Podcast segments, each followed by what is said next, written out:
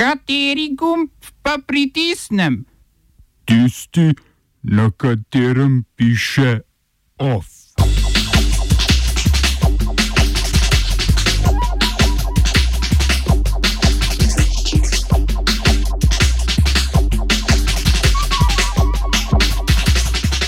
Rezultati ameriških predsedniških volitev še vedno nejasni. Odločitev polskega ustavnega sodišča o prepovedi splava še neuveljavljena.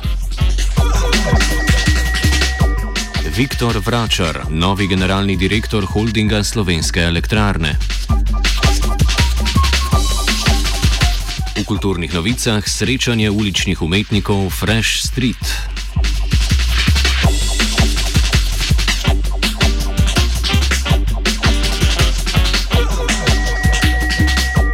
Rezultati ameriških predsedniških volitev še niso jasni. Odločitve voljivcev v nekaterih ključnih zvezdnih državah namreč niso znane.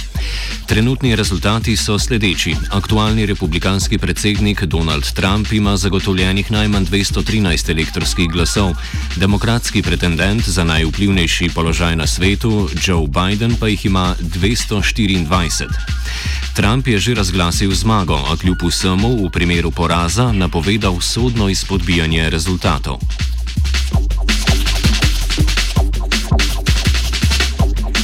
Potekale so še volitve v senat. Po trenutno znanih številkah so republikanci dobili 17 sedežev, demokrati pa 12, kar zaenkrat predstavlja republikansko večino.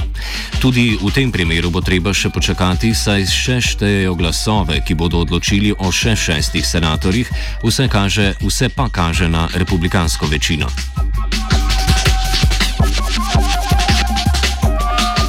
Kaj pa volitve v predstavniški dom?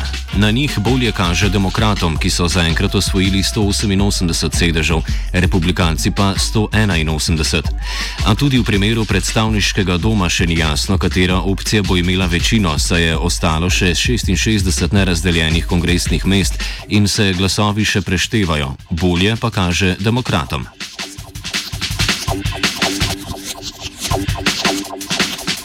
Slovenskemu premijeju srce več kot očitno bije za ponoven Trumpov mandat. Kot je zapisal Kakopak na Twitterju, je citiramo: Zelo jasno, da so američani Trumpa izvolili še za prihodnja štiri leta, več kot bo zavlačevanja in zanikanja dejstev strani osrednjih medijev, večja bo zmaga za predsednika. Družbeno omrežje ga je zato prvič nagradilo z opozorilom pod objavo.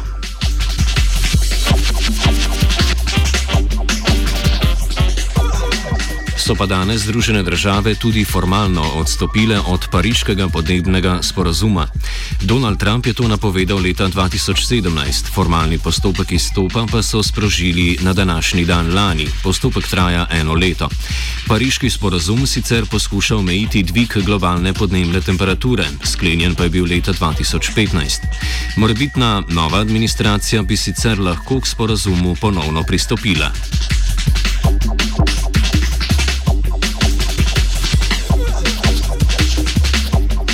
Mornarice Indije, Avstralije, Japonske in Združenih držav Amerike so v Bengalskem zalivu pričele z vojaškimi vajami.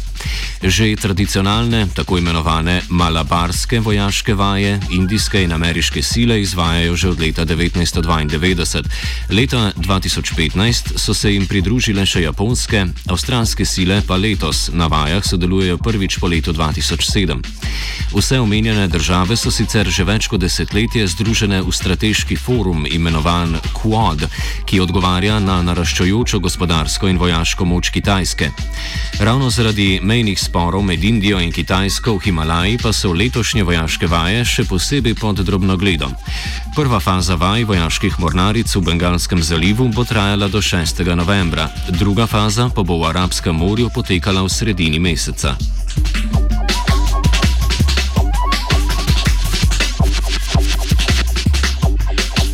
Poljska desničarska vlada je zamaknila implementacijo sporne odločitve ustavnega sodišča, ki bi skoraj popolnoma prepovedala splav v državi.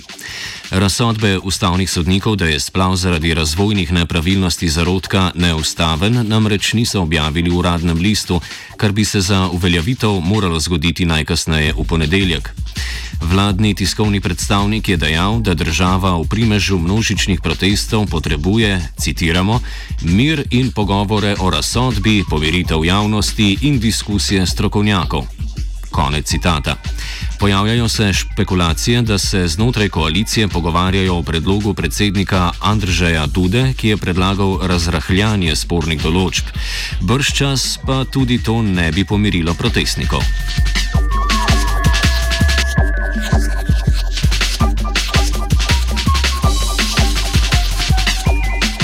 Predsednik etiopske vlade Abi Ahmed je vojski ukazal posredovanje v severni regiji Tigraj. Tigrajska ljudska osvobodilna stranka, ki ima večino v pokrajinskem parlamentu, je namreč po njegovem odgovorna za napad na državno vojaško bazo v pokrajini. Podrobnosti napada niso znane. Poleti iz regije so prepovedani, tamkajšnja veja etiopske federalne vojske pa naj bi prestopila na stran pokrajincev.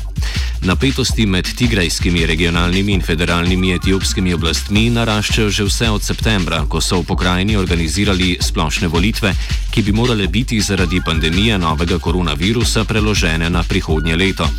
Predsednik Tigraja Debrecion Gebremikael pa meni, da je ravno organizacija letošnjih volitev razlog za posredovanje.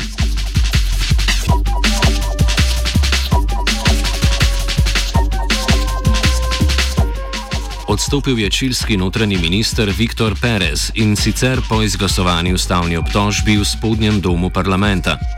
Predsednik Sebastian Pinjera je njegov odstop sprejel. Poslanci so ustavno obtožbo vložili zaradi policijskega nasilja na protivladnih protestih v oktobru. V Santiago je policist denimo z mostu porinil 16-letnika. Štafeto spodnji dom zdaj predaja senatu, ki bo odločal tudi o tem, ali bodo Perezu za pet let prepovedali upravljanje javne funkcije. Ta je sicer ministerski stolček zasedal od julija, z odstopom pa je postal še tretji odstopljeni notranji minister vlade Sebastiana Pinjere.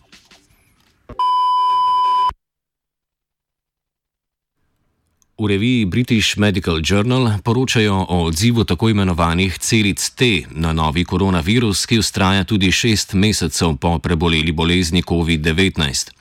Znanstvena ekipa je zaznala pomembno količino dolgoživih celic T tudi pri tistih zdravstvenih delavcih in delavkah, ki so COVID-19 preboleli zgolj z blagimi ali zmernimi simptomi, kar zajema levi delež okužb v splošni populaciji.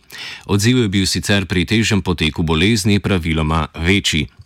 Celice T predstavljajo pomembno dopolnilo k protitelesnemu odzivu, saj uničujejo tiste človeške celice, ki jih okužijo virusni delci.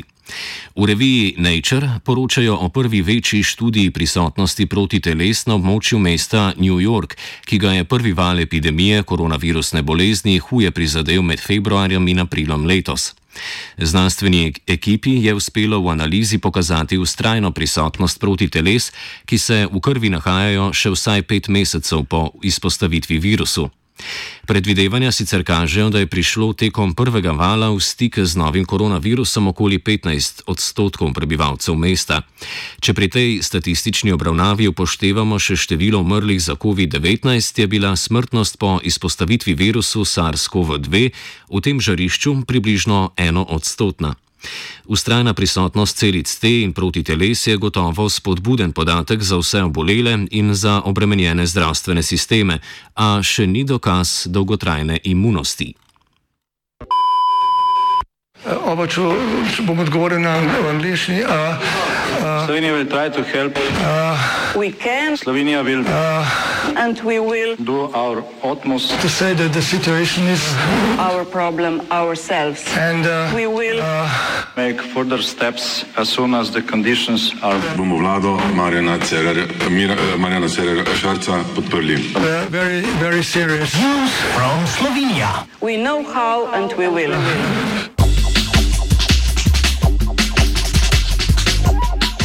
Vlada je na včerajšnji dopisni seji izvedla več prerasporeditev proračunskih sredstev.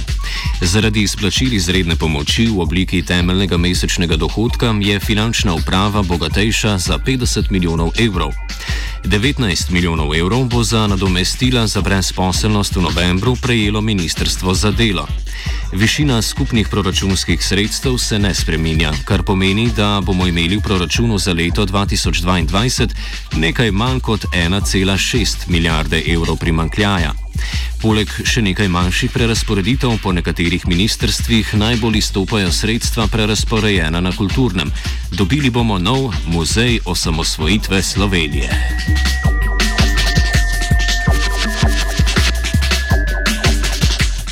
Nadzorniki holdinga Slovenske elektrarne, krajše HSE, ki je največji slovenski proizvajalec energije, so razrešili generalnega direktorja Stojana Nikoliča. Za novega generalnega direktorja s štiriletnim mandatom so imenovali dosedanjega poslovnega direktorja holdinga in generalnega direktorja termoelektrarne Šoštan Viktorja Vračarja, ki je blizu SMC. Na strani vračarja izpraznjeno mesto poslovnega direktorja so imenovali v HSE zaposlenega Uroša Podobnika iz nenapisane kvote Nove Slovenije. Z položaja so nadzorniki odpoklicali tudi drugega poslovnega direktorja Mirka Marinčiča, ki pa ga je začasno do imenovanja novega nadomestil nadzornik Andrej Janša. Kadrovske spremembe na čelu HSE so se sicer zgodile le kratek čas po prevetritvi nadzornega sveta. Slovenski državni holding z novim direktorjem Janezom Žlakom na čelu je namreč pred manj kot dvema tednoma zamenjal svoje nadzornike v HSE.